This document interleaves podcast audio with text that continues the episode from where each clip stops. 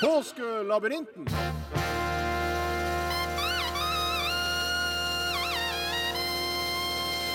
P1 Skattejakt.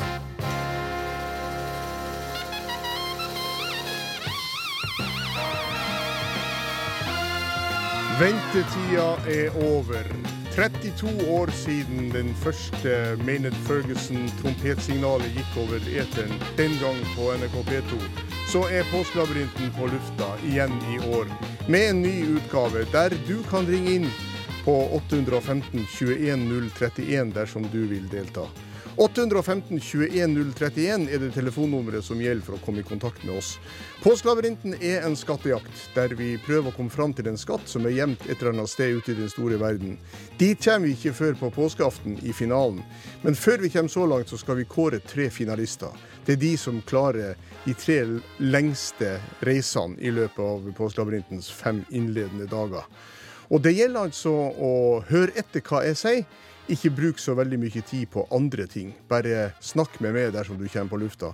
Men det viktigste er jo at du melder deg på. 815 21 031. Men vi har også en nettlabyrint på nrk.no der du kan delta. Og Der kan du holde på så lenge du vil og, og prøve deg på din egen labyrint. Men til slutt så kan du altså melde deg på hvis du kommer fram til skatten på den. Men det viktigste er kanskje telefonen akkurat i dag. Og vi har med oss den aller første skattejegeren eh, på tråden, og det er han eh, Lasse Løtveit fra Harstad. Velkommen. Tusen takk skal du ha. Hvor det står til i Harstad? Jo da, slettes ikke så verst. Eh, det er, hva skal jeg si, delvis skya opphold, ikke det det vi sier i nord? Ja, du skulle vært meteorolog, du. delvis skya oppholdsvær, ja. Men jeg har forstått det sånn, Lasse, at du har prøvd i mange år på å komme gjennom til oss i labyrinten? Ja, jeg, har nok ikke hørt i 32 år, men at jeg har hørt i 20 år, det er jeg helt sikker på. Så, eh, så det var jammen på tide at man kom igjennom. ja, hva syns du om at du endelig lyktes på å komme gjennom på telefonlinjene våre? Nei, altså det, når, når, når hun, produseren tok, uh, tok telefonen i stad, så blir man jo litt sånn her Man lurer på om man har ringt feil. Nei, men du er veldig hyggelig å, å ha med en harstavering i, i, starten. Og den aller første oppgaven, Lasse, den har jo blitt sendt uh, gjennom hele helga i, i, de forskjellige kanalene der Påskelabyrinten er representert. Vi sender jo både på NRK P1 og på NRK P1 Pluss. Det har vi gjort siden uh, P1 Pluss kom på lufta lufta for uh, snart seks år siden. Men derfor så teller ikke den oppgaven med i regnskapet, men vi skal i hvert fall høre det når du skal få prøve det på den. Her er aller første oppgaven. Hei, hei. Dette her er Åge. Ettersom jeg har jubileum i år, er det jeg som har fått æren av å åpne årets påskelabyrint.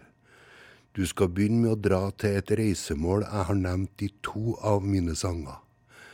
Den ene handler om mat og drikke, og den andre om stor materiell lykke og bryllup. God reise. God reise fikk du der ifra Åge, og bare for ordens skyld, Lasse, hvilken Åge var det vi hørte? Det må vel være han Aleksandersen. Det kan ja. ikke være svært ja. mange andre enn det. Nei, det kan jo ikke være det. er Lett å kjenne igjen på stemmen. Og dessuten så sa han jo at han har jubileum i år. Hvor gammel har han blitt? Han ble vel 70 år. Ja, det er riktig. Men så var det dette reisemålet som han har nevnt i to av sangene eh, hans. Hva tror du det kan være? Eh, det må vel være Bahamas. Ja, hvorfor må det være Bahamas? Uh, ja, skal vi se hva vi hadde på um,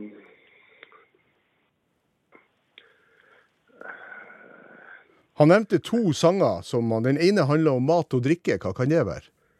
Det må vel være fire pils og en pizza. Ja, riktig. For der synger han jo 'Loft deg tur til Bahamas'. Loft deg tur til Bahamas. Ja, det er all åpningsordene i den sangen, faktisk.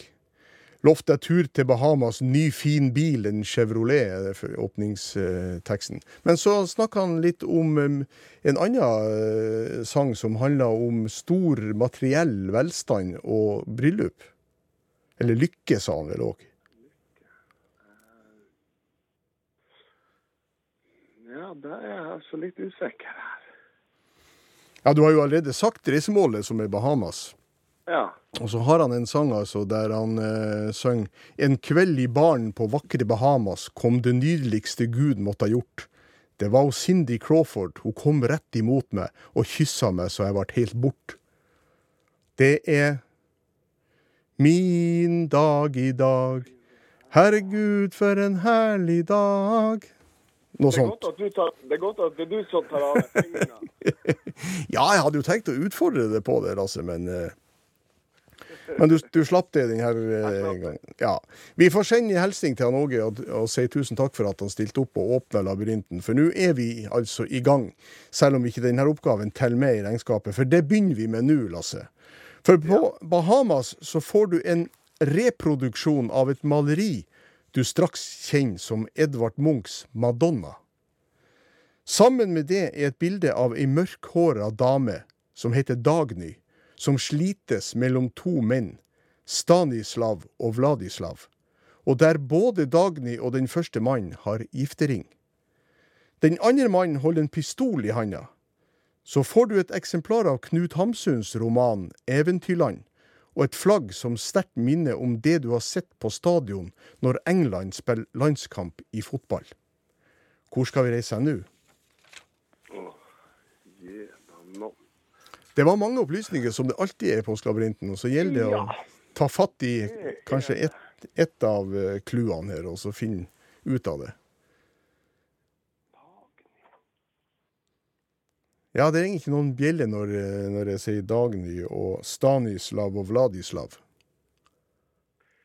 Nei, det gjorde altså overhodet ikke det.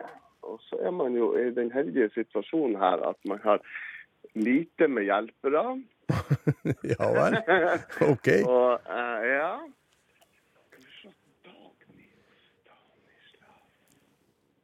Hva var det du sa om det her flagget? Jeg sa at uh, et, du ser et flagg som sterkt minner om det du har sett på stadion når England spiller landskamper i fotball.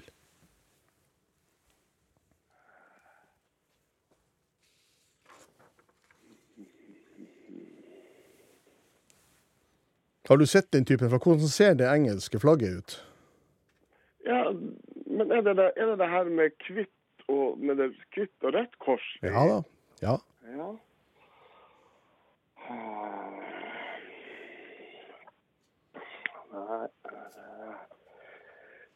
Jeg lurer på om jeg ble eh, den første deltakeren som også gikk ut på det første spørsmålet.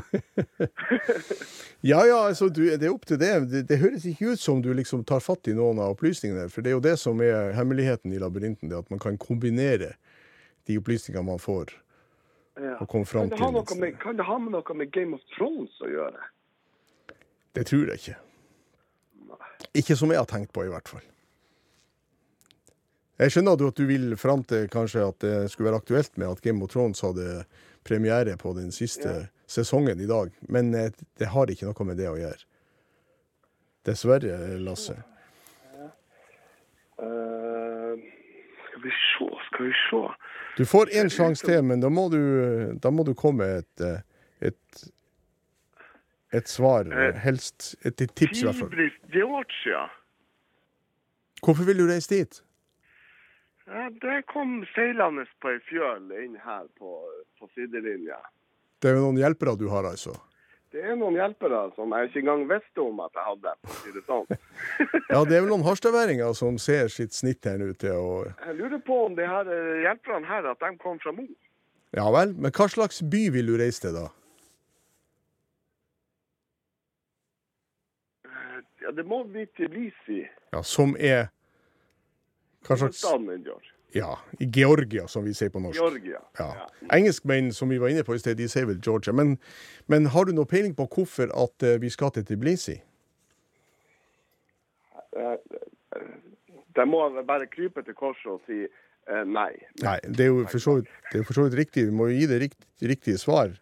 Det er altså sånn at uh, hun Dagny, som det er snakk om her, det er forfatteren Dagny Juel som da eh, antagelig har stått modell for eh, bildet Madonna som eh, Edvard Munch malte i sin tid.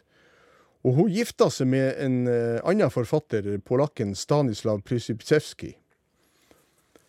Przybysewski. Det er vanskelig å uttale. Men, han, eh, men så hadde hun da en, en elsker som hun dro sammen med til Tbilisi. Uten mann, da. Og, eh, og han hadde det andre navnet som ble nevnt her, nemlig Han heter Emerick til etternavn. Vladislav Emerick. De dro til Tbilisi, og det skjedde noe tragisk der fordi han godeste Emerick han skjøt Dagny, så hun eh, ble drept og ligger gravlagt i Tbilisi. Samtidig så har forfatteren, eh, som du helt sikkert kjenner, Knut Hamsun, han har skrevet en bok som heter 'Eventyrland', som også handler om hans besøk i Kaukasus og i Georgia og i Tbilisi. Og så er det sånn at Georgias flagg det er nesten likens som det engelske flagget. Det er et stort, rødt Sankt Georgskors på hvit bunn. Men så har det i tillegg et lite rødt malteserkors i hver av de fire hjørnene. Som eh, er et minne om den hellige martyr Georg som drepte dragen, som du kanskje husker. Ser du, der, fikk man jo så lært mye på en gang. Ja, det er liksom litt av meninga med påskelabyrinten. Herlig. Og Tbilisi er altså hovedstaden i Georgia. Og der møter du en geistlig som sier han vil ha det med til byen der den første kirkelige selvangivelsen oppsto, og som franskmenn, russere og engelskmenn fortsatt bruker. Her hjemme bruker vi den også på spesielle høytidsdager. Den store imperator som ga navn til dine forfedres Miklagard, beordra de troende til denne byen som du skal til, for å rydde opp i de mange motsetningene den gang for nesten 1700 år siden. Hvor skal vi reise nå? Fiskelig selvangivelse. Ja, hva kan jeg være? Går du i kirka? Ja, det- jeg gjør jo det til tider, og til tider Ja. har jeg jo også tatt, et, tatt nattverd. Ja. Kan det ha noe med nattverd å gjøre? Mm, ikke direkte, men eh, det er også eh, Denne selvangivelsen er vel også i bruk under nattverden. Hvilken selvangivelse er det du må eh, oppgi når du går i kirka? I hvert eneste gudstjeneste? Trosbekjennelse. Ja, Ja. nettopp. Eh, ja. Konstantinopel. Eh, er, ikke det, er ikke det noe sånn her litt uh, inne i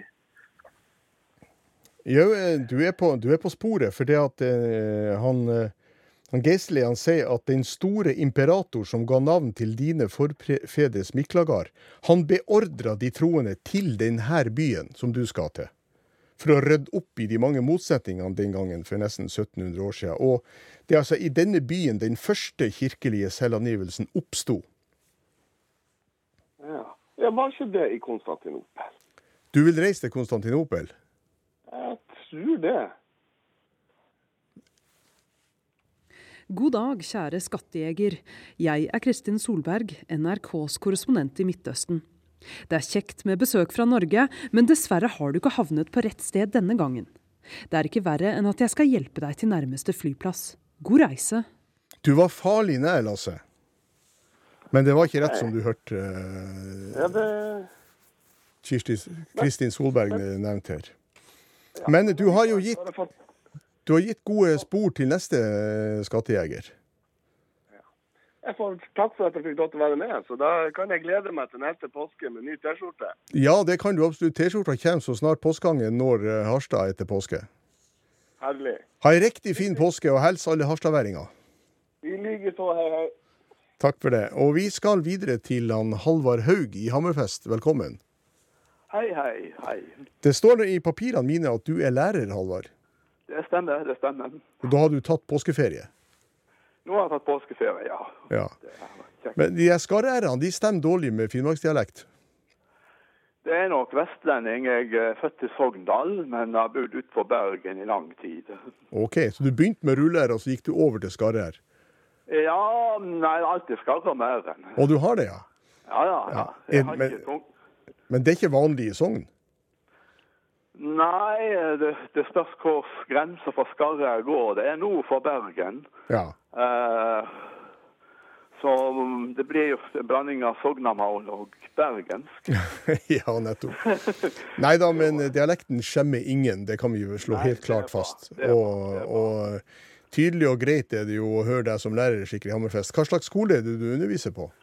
Det er Hammerfest videregående. Ja, Så det er antagelig ganske motiverte elever du har? Ja da, det er um, hyggelig og greie vesen. Ja. Kjekt å være i lag med ungdom. Ja visst er det vel det. Det holder jeg med deg i. Ja. Men du har, en, du har en ganske viktig oppgave, da, som lærer. Eh, Ja, ja det, det kan du trygt si. Um, gi de kunnskap som de trenger videre, og tro på seg sjøl og slike ting. Ja, og det at de faktisk blir motivert til å, til å ta imot lærdom. Ja. Ja. Jeg er litt opptatt av det som programleder for Postlabyrinten, så jeg, så jeg er på mange måter forplikta til å være det. Men nå skal vi altså eh, videre inn i labyrinten, og du fikk ganske mange gode tips hos han eh, Lasse fra Harstad her. Vet du hvor vi skal reise hen? Han nevnte jo Konstantinopel, så kom vi på Miklagard. Det høres ut som det er Istanbul. Ja, Det er jo samme navnet som, eh, som Ja. samme byen. Så du vil fortsatt reise dit? Han har jo reist dit og fått feil. Ja, men det er det gamle navnet på Istanbul. OK, så du vil eh, insistere på det? Eh, ja, hvis um, um, Motsetninger det har vært nye. ja, Motsetninger i Istanbul og masse navn. Og, Så du vil reise til jeg tenkte på Istanbul. ja. Hei, dette er korrespondent Sissel Wold i Tyrkia. Det er flott at du vil besøke den regionen jeg befinner meg i, men nå har du dessverre reist feil. Men ikke fortvil. Jeg skal hjelpe deg med en behagelig reise tilbake til Norge. Ha en fortsatt fin påske. Hei, om vi kaller byen Konstantinopel, Miklagard eller Istanbul, så er det feil reisemål i denne omgangen her, Halvard. Det var, da var jeg litt for rask. Du var litt for rask fordi at eh, Jeg tenkte på Nika eventuelt. Men det var litt seint. Ja, ja. Var det Nika? Det får du høre når vi tar inn neste skattejeger, Ja, for uh, vi går videre på lista vår. Så du får ha takk for at du ringte inn, Halvor, og ei T-skjorte Ja, ja. blir det jo på det uansett. Ja da, det er jo godt med kunnskap. altså. Nå får jeg eh, høre hva som er det rette svaret. Det får du. Ha det riktig godt. Ha det bra. Neste skattejeger, hvor er det du befinner deg hen? Hallo, Hallo, ja. Hvem er det vi har på tråden? Magne Hansen. Og du befinner deg i Stonglandseidet på Sør-Senja. Stonglandseide. Vi holder oss eh, fortsatt i Nord-Norge, da skjønner jeg. Ja, men det er bra. Ja, jeg skal ikke kommentere det, jeg har ikke lov til å kommentere det. Men, men Magne, vet du hvor vi skal hen? Eh, du nevnte jo eh, Myklagard og Konstantin, og jeg tenker på om eh, keiser Konstantin kan være en del av det her. Ja, det er han jo absolutt. Det var han som ga navn til Konstantinopel, som vi nå har gjort to forsøk på å besøke, men som ikke er rett. For poenget er her at vi skal til den byen der den første kirkelige selvangivelsen oppsto. Som brukes av både franskmenn, russere og engelskmenn fortsatt. Så eh, når jeg tenker på en keiser, så tenker jeg på Roma. Så du vil reise dit? Ja, eh, det har ikke noe hjelpemiddel eller noe annet å se på, så det var det som, eh, som falt eh, først i hodet på meg. Du vil reise til Roma? Ja. Dette er Philip Lote, og jeg er NRKs europakorrespondent. Det er hyggelig å treffe deg her, men nå har du dessverre reist feil. Jeg skal se til at du kommer deg trygt til nærmeste flyplass. God tur! Ja, som du hørte, så eh, var det fe- feil reisemåte her òg. Du fikk faktisk et veldig godt tips hos han Halvard Haug. Men eh, det, var, eh, det er sikkert ikke så enkelt å høre når du sto i kø og, og venta på telefonen. Men uansett så sender vi nå ei T-skjorte til deg, Magne, og så får du ha en riktig fin påske på Senja. Tusen takk for det, og riktig god påske til dere. Takk. Og da skal vi til Arnstein Eikeland. Velkommen. Ja, god dag. God dag, god dag. Du ringer fra Skedsmokorset. Ja, jeg bor på Skedsmokorset, men akkurat nå så er jeg i de ringsaksiske alper. Altså, jeg er ikke langt ifra Sjusjøen. OK. Alpa og Alpa. Strålende påskevær. Ja, det er jeg sikker på at det er, men eh, å karakterisere det som Alpa, det er kanskje å gå, gå litt langt. Kanskje å ta i litt. Ja, du tok i der, men, men jeg er veldig spent på om du vet hvor vi skal reise hen. Ja, jeg fikk god hjelp fra Halvard Haug der. Ja. Jeg skal til Nikea. Ja. Det aller første kirkemøtet fant sted, og det var i 300 og eh, noe. Ja. 25. Ja. Ja. Og det var han keiser Konstantin den store Ja. som beordra det første store kirkemøtet lagt inn i Ikea. Og hva er dette her med den aller første selvangivelsen, da? Så godt kjenner jeg vel ikke kirkehistorien, men uh, de En av de sakene de gjorde, det var bl.a. å bestemme når påsken skulle være. Ja, de hadde veldig mye for seg, men der ble altså din nikenske trosbekjennelse vedtatt. Og vi har en liten variant av den i kirka sånn hver søndag, men av og til på de store høytidsdagene så bruker vi den nikenske trosbekjennelse. Og den er da, som det ble sagt her av den geistlige, i bruk både i Frankrike, i Russland og i den engelske kirke. Ja. Men Nikea, hvor ligger det hen? Det lå i Bysants, så da er vi vel i uh, nåtidens Tyrkia. Ja, det lå i nordvest, den nordvestlige delen av det som heter Anatolia. Vet du hva byen heter i dag? Nei, det skal kanskje godt gjøres at du vet. Nei, det gjør jeg nok ikke. Da måtte jeg hatt et elektronisk hjelpemiddel for hånden for ja, å finne fram det. Den heter Isnik og var altså kjent under navnet Nikea, som i middelalderen var hovedstad i et keiserrike som het Nikea. Mm. Som da ble etterfølgeren av det bysanske riket, som du var inne på. Ja. Vi hører jo på dialekten din, Arnstein, at Skedsmokorset det har ikke vært ditt bosted hele livet? Nei, det har vært mitt bosted i uh, nesten 30 år, men det kommer fra Sandnes. I... Ja. Da ble altså uh, produsenten vår veldig glad. For han er Sandnesbu. Ja visst. Ja. ja. For de som ikke vet uh, hvor Sandnes ligger og hva Sandnes står for, kan du si to korte ord om, uh, om den byen? Sandnes ligger i Rogaland. Det er naboby til Stavanger. Det, um, de er i ferd med å utvide kommunegrensen. Med at de skal slå sammen med Forsand, eller med deler av Forsand, må jeg vel si. Fordi at en av de mest eksklusive delene av Forsand, nemlig Preikestolen, ser ikke ut til å havne i Sandnes. Nei, det er noen som, det er noen som erter politikerne i Sandnes med at de gikk seg på en liten smell der. Ja. De trodde at de skulle få dette kjente turistmålet i, i, i sin kommune, men sånn gikk det ikke. Sånn skulle det ikke gå. Nei. Men vi skal videre inn, inn i labyrinten. Du har så klart en oppgave, Arnstein, og det hadde altså Lasse Løtvedt klart så, vi får se hvor langt vi kommer. For i Nikea så møter du ei dame som sier at hun er konservator fra et sted som for 115 år siden ble ramma av en naturkatastrofe, mens alle satt i den lokale kirka. Derfra ble det for nesten 100 år siden frakta et råmateriale på mange hundre tonn som 20 år etter skulle bli et 17 meter høyt landemerke, som er et av våre aller mest kjente turistsymbol her til lands.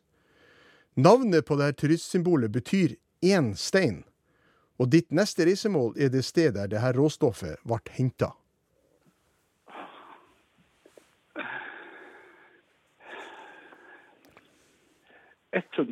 år siden. Var, det var altså i 1905. Eh, det kan ha vært et eh, f.eks. et jordskjelv i San Francisco. Ja, det kunne det vært. Det er i hvert fall snakk om et jordskjelv. Og det er i 1904, hvis du trekker fra 115. Ja. ja. Men hva er dette turistmålet, da, som det ble eh, Dette råstoffet ble laga om til produkt av? Som betyr én stein.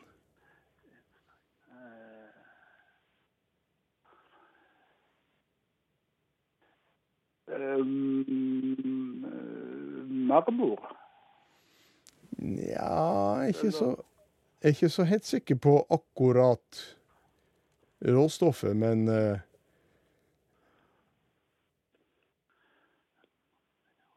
Men, men, hva kan dette turistmålet være, da? Jeg tror ikke det er, det er marmor. Det er, men du er inne på det. Du er inne på det.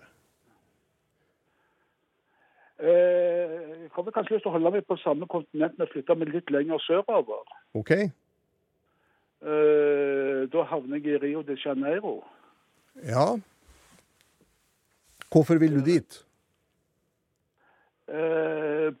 Pga. det store landemerket som et uh, turistmål. En så, Kristusfigur der. Ja, Så du vil reise til Jeg reiser til Rio de Janeiro.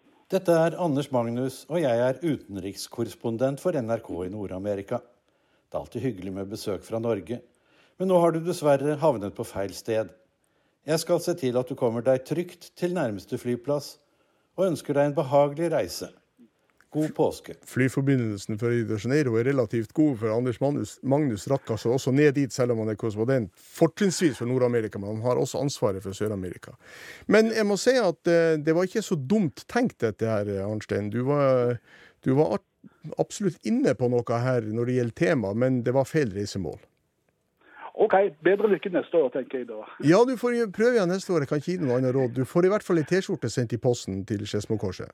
Ja, men tusen takk, det er vel verdt alt sammen. Fin ferie oppe ved Sjusjøen.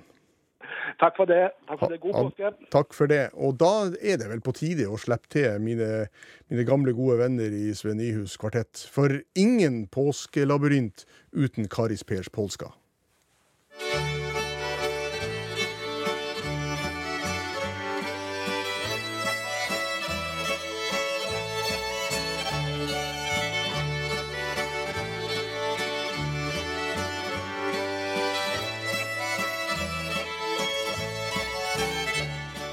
Har du hørt at P1 har en jakt for lyttere som har påskevakt på påskefjellet? Har de radio med seg brakt, og telefon kom som ekspressfrakt. Den har de jo ikke satt fram skakt, for nå skal de sette ut i makt alle de planer som ble lagt den gang de inngikk en pakt før de på frokosten har smakt og spist av de brødene som ble bakt. Kler de på seg en skattejaktdrakt, man må jo vise seg i all sin prakt. Man finner fram en høretrakt, setter seg ned i full andakt og tar imot det tilbud man blir rakt. Her skal det ikke bli noe slakt. De slutter med nummeret i takt. 8, 15, 2, 10, 3, 1 har jeg sagt.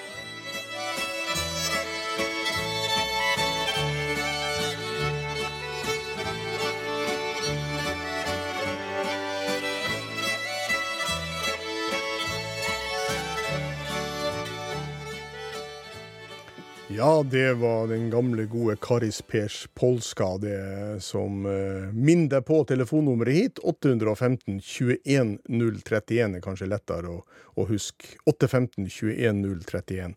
Ring gjerne og meld deg på. og Det har hun Kirsten Ervik i Trondheim gjort. Velkommen, Kirsten. Ja, takk for det. Vi, vi skal ikke så langt unna studio da, hvis du er hjemme i Trondheim? Nei, jeg er i Selbu, men jeg er ikke så langt unna det heller, da. Nei, det er for så vidt ikke det. Men du bor i Trondheim, da? Jeg bor i Trondheim. Hva gjør du der sånn til daglig? Jeg er jordmor. Du er jordmor, ja. På St. Olavs hospital? Ja. Ja. Det må jo være en ganske hyggelig jobb, Kirsten? Ja, ja. Kjempeartig. Veldig, veldig artig jobb. Skal du ha vakt i, eh, i påska? Ja, jeg skal jobbe fra onsdag og resten av dagene. Ja. Så det kommer et påskebarn eller to eller tre til verden i påska, får vi tro. Ja. Ja.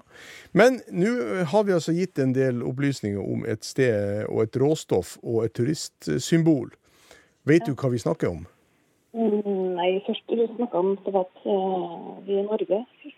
Ja. Ja. Jeg tenkte på monolitten i Vigelandsparken. ja, det var ikke så dumt tenkt. Så skal vi altså til eh, det stedet der dette råstoffet kom fra. Ja. Um, jeg tenkte at det var det var laga av granitt fra Ja. Iddefjorden. Ja.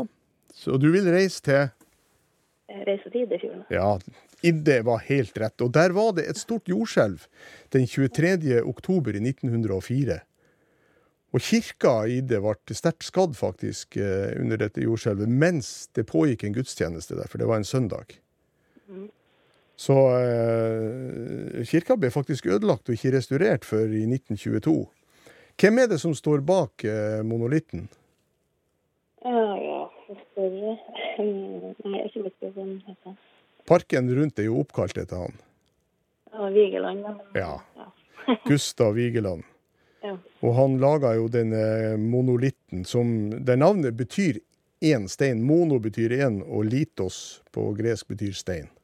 Mhm. Og den ble altså skutt ut i sin helhet, sånn som, den, sånn som det ble bearbeidet til slutt, da. Med hele sin eh, voldsomme høyde, da. Og han laga da 121 figurer på den 17 meter høye monolitten. Ja. Og dette var imponerende at vi kom eh, fram dit. Og du skjønner det, Kirsten, at reisa er selvfølgelig ikke slutt med det. Den er så vidt begynt. Og i Idde så møter du en hyggelig mann som sier det her. Hei, jeg heter Lars. Jeg vil gjerne hjelpe deg lenger inn i Viggos labyrint. Du skal reise til byen jeg bor i.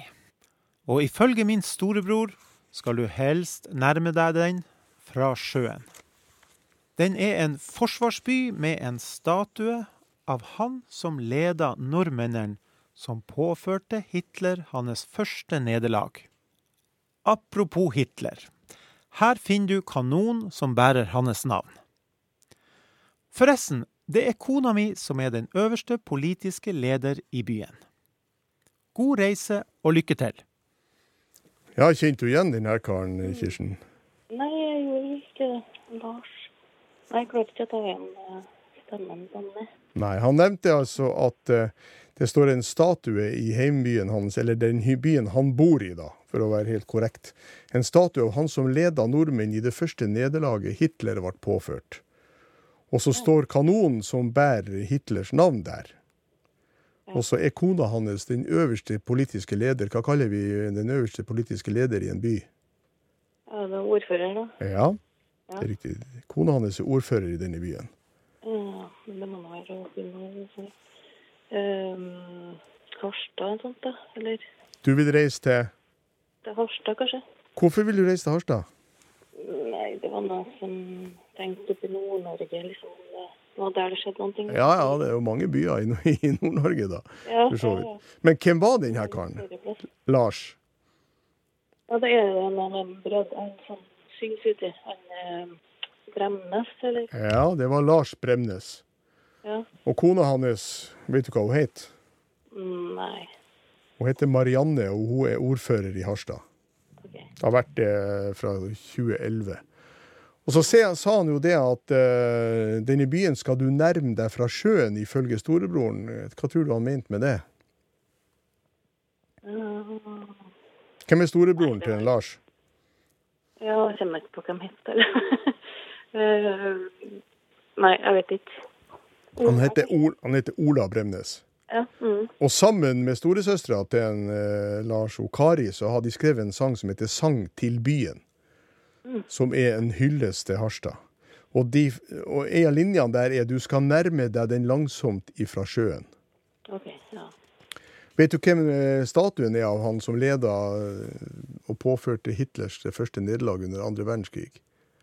Mm, nei, det er faktisk ikke.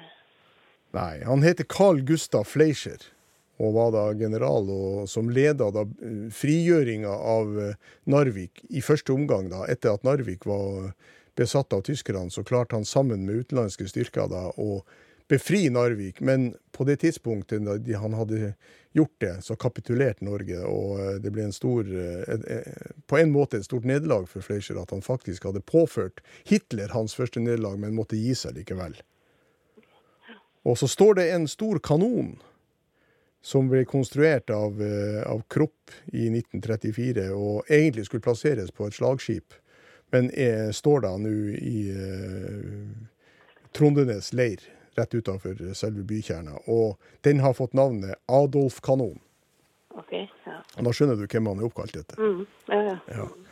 Nei, men det var jo eh, en helt grei reise, dette her. Vi sender en hilsen til han Lars, som takk for at han stilte opp og ga oss den oppgaven om byen han bor i. Han er jo egentlig fra Svolvær, da. Han er født der. OK. Mm. Mens broren hans, storebroren, bor i nabokommunen Kvæfjord, på et sted som heter Bremnes. I Harstad ser du et bilde av flere mennesker som har lenka seg fast. Politimenn i uniform skjærer over kjettingene med vinkelslipere, og flere bæres bort.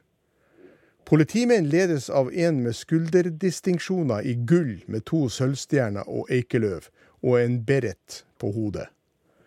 Han bruker en megafon for å snakke til folket. På bildet har noen skrevet 'Reis til stedet som lydmessig var alt annet enn navnet skulle tilsi'. Hvor skal vi reise nå? Eh, ja, skal vi se demonstrasjon av folk har lenka seg sammen. Hva kan det tyde på? Ja, det var noe Han har protestert mot noe, i hvert fall. da. Ja. Utbygging, kanskje. Hva tror du de protesterte mot? Mm, Nei, jeg vet ikke. Hvis det var her til lands, så tenkte han først liksom på Alta-utbygginga. Ja, kanskje det. De lenka seg vel sammen, men eh, nei, Ja.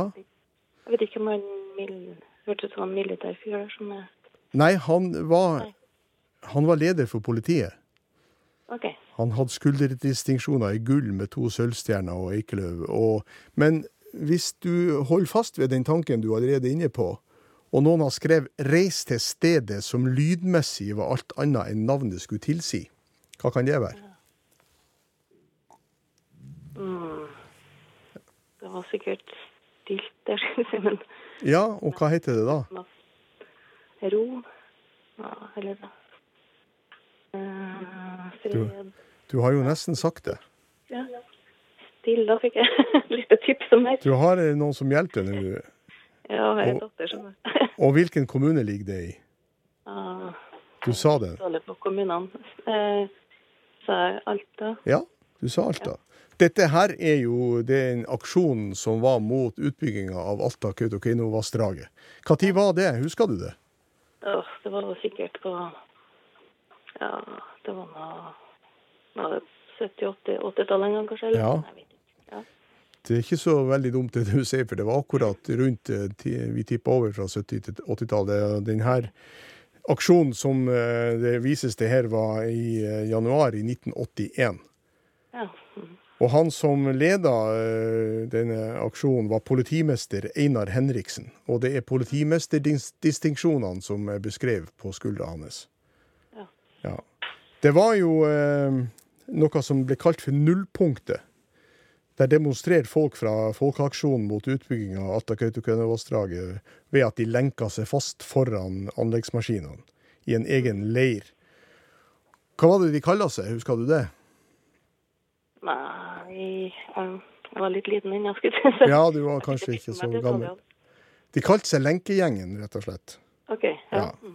Det gir jo eh, litt assosiasjoner kanskje til fengsel. Men eh, Mm. maskinene skulle altså lage en anleggsvei inn til Saucho, og eh, de eh, prøvde å forhindre dette her. Og det skjedde altså i Stilla. Mm. Så vi reiser rett og slett til Stilla, og der møter du en miljøverner som sier han på nytt vil lenke seg fast for å protestere mot et nytt regjeringsvedtak nesten 40 år etter.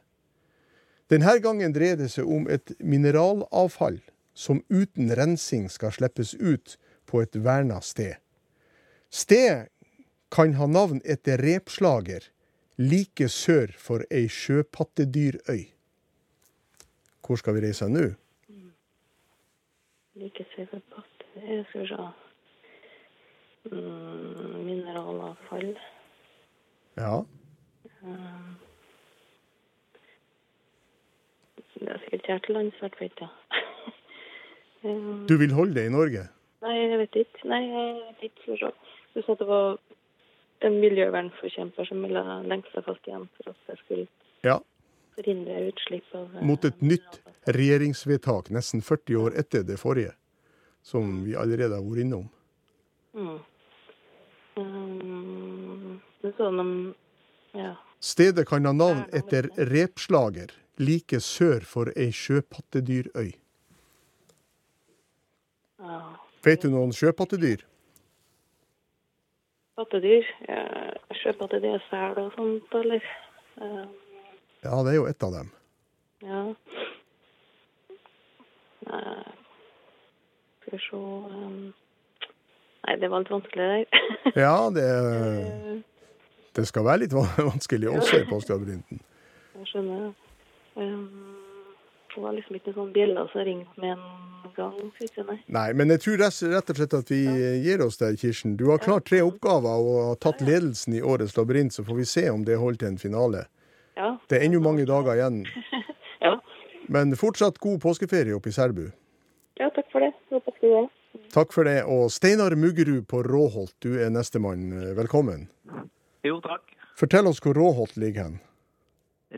Råholt, ja det er eh, Grunnlovsbygda.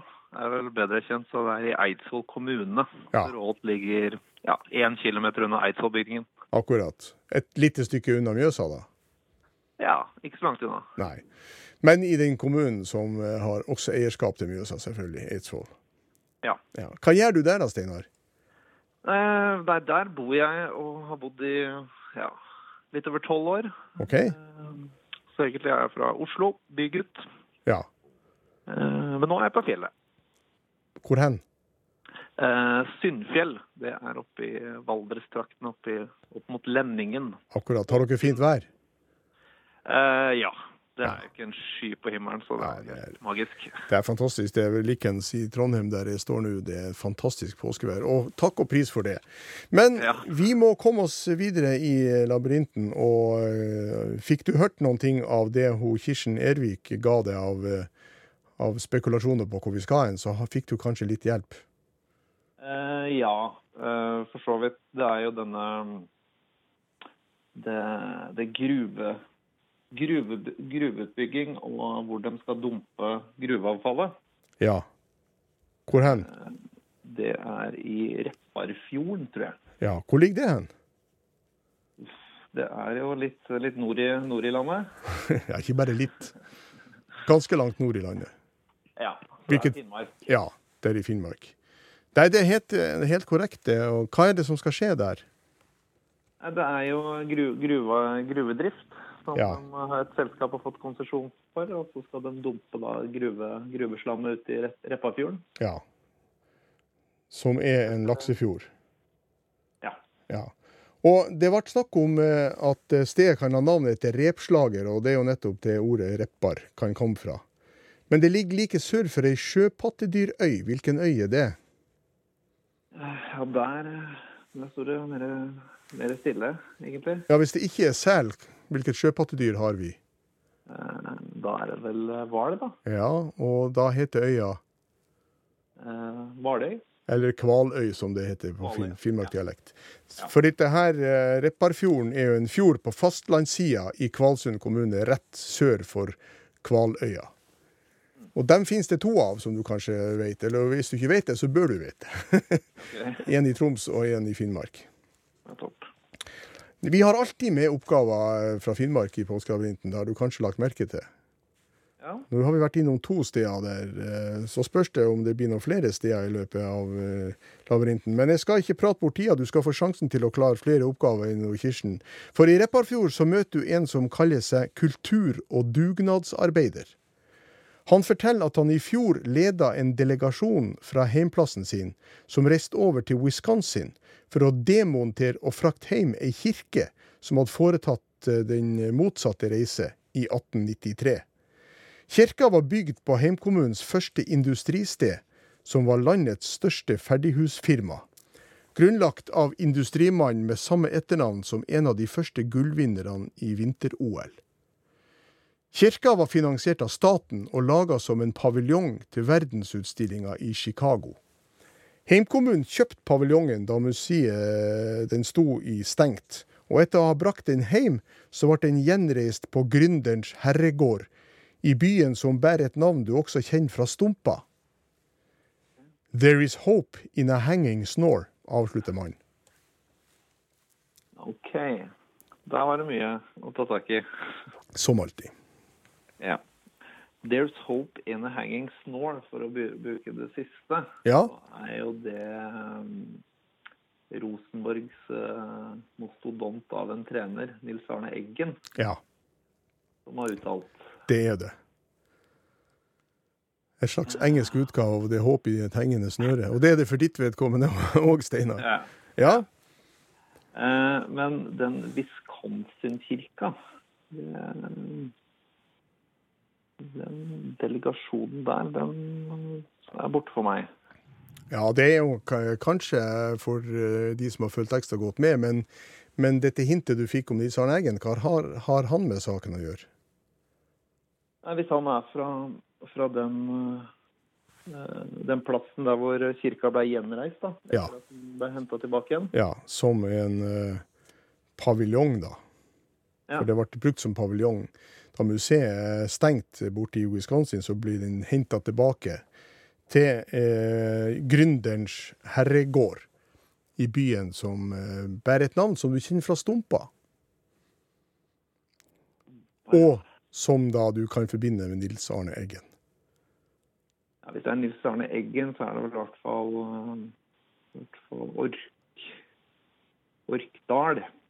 Det er kommunen, i hvert fall. Ja. Og hvilket sted, hvilken by skal vi til, da? Da er det vel uh, Orkanger, da. Skal vi reise dit? Ja. Helt riktig resonnert. Vi skal til Orkanger fordi at denne, denne kirka, eller det som da ble vel paviljong, den ble uh, henta fra det første ferdighusfirmaet som da lå på Orkanger, laga av gründeren Wilhelm Tams. Eller det vil si, det var ikke han som laga den, det var, det var Sønnesund, Christian Tams, som var utdanna arkitekt og som leda denne bedriften i 1893. Og eh, det ble også snakk om her at det var samme etternavn som en OL-vinner i vinter, det første vinter-OL. Vet du hvem det kan være snakk om? Da, da er det aller første? Den, Ja. Den, det vet jeg ikke. Nei, han som tok gull i, i hopp, han heter Jakob Tulin Tams.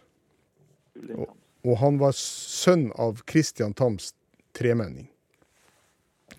Sånn var det. Nei da, det var helt rett med, med For det var Hope in Hanging Snore. Ja, det var det. For ditt vedkommende så viste det jo at det, det slo til, det.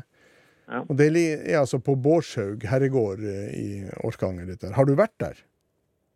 Eh, Det er lenge siden. Jeg tror jeg har vært i Orkang i forbindelse med laksefiske for en del år tilbake. OK. Orkla, sånn sett. Ja, riktig. Det er jo elva som renner gjennom der, da. Jeg har ikke vært innom paviljongen. Det har jeg ikke. Nei. Nei, den er jo forholdsvis nylig reist der etter at den ble henta tilbake over Atlanteren. Og bare for ordens skyld, han som eh, var en av figurene i Stumpa-serien, han eh, hadde jo navnet Orkanger. Ok. Ja. Spilt av eh, en som heter Jon Olav Tokstad i filmen om Stumpa. Som også faktisk var fløytist med Kringkastingsorkesteret, så han var en, eh, en kunnig mann. Vel, vel. Vi har to reisemål, og vi skal gå videre. Som, så får vi se hvor langt du holder følge her. For på Orkanger så får du et tegneserieblad der du blir oppfordra til å oppsøke en by der en ny hovedperson bor. Han har et presidentnavn til fornavn, men etternavnet er strøken over og er erstatta med et omstridt svensk pronomen i tredje person entall. På bladet har noen satt inn et bilde av et stort sjøpattedyr. Ok, skal vi se. Tegneserieblad. Eh, hvor man skulle oppsøke en by. Eh, hva var det du sa etter det? Du skal oppsøke en by der en ny hovedperson bor. Han har et presidentnavn til fornavn, men etternavnet er strøken over og erstatta med et omstridt svensk pronomen i tredje person entall. Hvis det er et presidentnavn, så regner jeg med Hvis det er Donald, da. Ja. Eh, så er etternavnet stryket over. ja. Og erstatta med et svensk, ganske omstridt pronomen. Hva kan det være? Det hen i disse dager? Ja, det er helt riktig. Hva betyr det Jo, det er i Donalds uh, verden? i Donalds verden. Ja. Eh, and. Eller eh, høne, går jeg ut fra. ja, bestem det. Ja, det er vel eh, skal vi se, hen. Jo, høne. Ja, og da skal vi reise til Da er det vel eh, Hvis det er høne og eneste jeg kan med høne, det er vel Hønefoss. Ja, men eh, jeg tror kanskje du skal kombinere dette her med eh, dette her med sjøpattedyret. Sjøpattedyr Vil du fortsatt reise til Hønefoss? Nei, jeg tror ikke det, da. Nei. Da fikk du en sjanse av meg her. Ja, Men, men da må du komme med et nytt forslag ganske raskt. eh, sel Ja. Sel, Donald, tegneserieblad Nei, det er jo Jeg tenker jo Andeby, men eh, det er jo ikke Ja, men eh, det var, var det snakk om and her? Nei, det var høne. Så, så, Så- Donald Hensel. Så da skal du til Nei, det står jo, står jo stille her. Eh, nei, jeg må vel bare melde pass, tror jeg. Ja, jeg tror det er kanskje lurt, det. Du har klart to oppgaver, Steinar, men uh, T-skjorte får du nå uansett. da. Vi sender den til Råholt eh, etter påske. Ha riktig fin påske. Likeså. Takk skal du ha. Ha det fint. Lars Arne Andersen, Søreidgrend, velkommen. Jo, takk for det. Takk for det. Søreidgrend, hvor ligger det hen? Du, det er en eh, bydel i Bergen, faktisk. Den, den bydel i Bergen. Og du er ekte bergenser, eller? Ja, ekte er innflytter. Jeg eh, kommer fra Fitjar. Ja. En kommune litt sør for, for Bergen. ja det ligger på, på øya Storden. Ja, riktig. Hva gjør du eh, til daglig, Lars Arne? Jeg jobber i Olympiatoppen som eh, teknikk- og motorikktrener. OK. Høres litt rart ut, men jeg, det, går på teknikk. Ja. Med. Ja, hva slags teknikk snakker vi om da? Nei, for eh, det, jeg jobber med veldig, veldig mange ulike idretter. Da, så hvis jeg jobber med, med f.eks. svømming, så er det svømmeteknikk. Akkurat. Med roing, så er det roteknikk. Så jeg bistår treneren med å, å ja, analysere og, og utvikle teknikk. Da. Akkurat. Men vet du hvor vi skal reise hen? Vi sender tilføyer tilføye at, eh, at uh, bildet av sjøpattedyret også er, er da supplert med bilde av en fisk. Hvor skal vi reise Ja. hen? Ja, det var jo litt forvirrende, da. Eh, Det er supplert med bilde av en fisk, og så er det et sjøpattedyr. Eh, Og så Donald hen. Jeg prøver å sy sammen alle disse opplysningene til noe som gir mening. da. Eh, Og høne er jo et sentralt begrep. Ja, Skjønt? og hvis du, du skjønner hvilken tegneserie er det vi eh, henleder oppmerksomheten på? Ja, det er jo Donald. Ja, hvor bor han? Ja, han bor i Andeby. Ja, nettopp. Men dette har altså ikke noe med Anna å gjøre, men derimot Det må jo være Høneby. Eh, Hvor ligger det, hvor ligger det hen? Det må være i Hvis det finnes en høneby Ja, eller hvis du putter en bokstav til der, så får du det helt korrekt. En Bokstav T, ja. Hønesby. Bytt om, da. Hønseby. Ja, skal vi reise til Hønseby? Ja, for det eneste jeg greier å ut av opplysningene, her, er at det være by og høne, og da var jo Hønseby. Ja. Hvor eh, reiser vi hen i verden da? Jeg vil jo tro at det er i Norge en plass, da. Ja. Eh, For eh, jeg måtte det har vært Sverige eller noe sånt. Men eh, Hønseby har, må jeg innrømme at jeg ikke har hørt om, så jeg tipper det er i Nord-Norge. Det er sånn at opplysningene om, og kunnskapen om vårt nordligste fylke er omvendt proporsjonal med avstand, Lars Arne. Ja, Hvilket fylke skal vi til da? da skal vi helt opp til Finnmark. Ja, det skal vi. Vi skal til Seiland, som er den sjuende største øya i Norge. Hvis vi ser bort fra Svalbard. Ja, Apropos Svalbard, jeg har en datter som bor der, så jeg har vært på Svalbard. Ja vel. Men du har ikke vært i Hønseby? Den har jeg føket forbi, eller over sannsynligvis. ja, jeg tror ikke det er mulig å kjøre forbi. Den, du må nok ta litt mer avstikker fra Europavei 6 for å komme dit til Seiland og Hønseby. Men det var eh, etter mye om og men, så kom vi altså fram dit. Og eh, vi rekker vel ikke å eh, gi deg noen ny oppgave, så du får lov til å være med i morgen. Har klart én oppgave i, i dag, og så gir jeg ikke oppgaver, for da kan den telle med i regnskapet i morgen når vi starter på eh, Påskelabyrinten da. Så hold deg ved telefonen eh, i morgen, så blir du med som første deltaker, Lars Arne. Tusen takk for det. Jeg gleder meg allerede. Ja, fint. Vi, vi har ikke så veldig lenge igjen av sendinga eh, i dag. Jeg skal bare nevne at Morten Lyen har vært teknisk ansvarlig, og Eivind Motland er som alltid produsent. Hans niende år på rad som produsent i Påskelabyrinten. Og så minner det på at på P1 pluss så har vi et program som heter Påskelabyrintens afterski klokka 16, med Madeleine Cederstrøm og meg som programleder. Klokka 16 altså på NRK P1 Og du er hjertelig velkommen til å ringe inn til oss også i morgen da neste eh, etappe skjer. Og husk Nettlabyrinten, som du finner på nrk.no. Der kan du kjøre din egen labyrint så mye, ofte og lenge du vil. Takk for i dag.